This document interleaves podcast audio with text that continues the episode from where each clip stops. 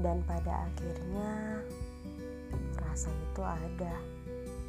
Hmm, entah sementara atau selamanya.